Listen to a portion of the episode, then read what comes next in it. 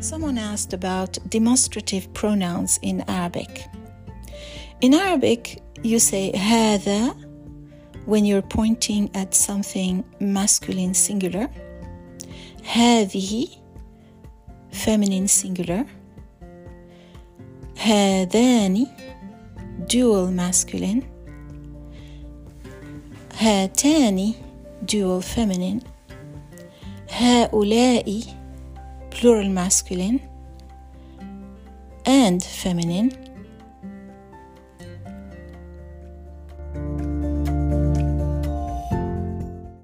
That was for something that is close.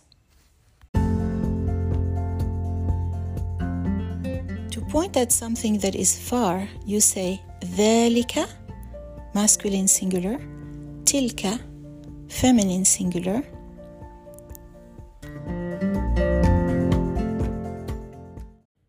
dual masculine is ذانك and dual feminine is تانك.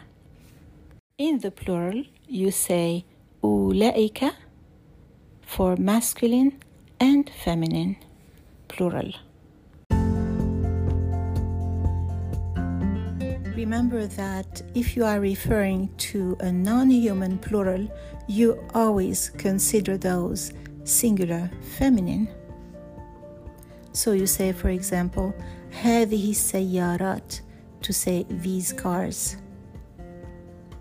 And also تلك السيارات to say those cars.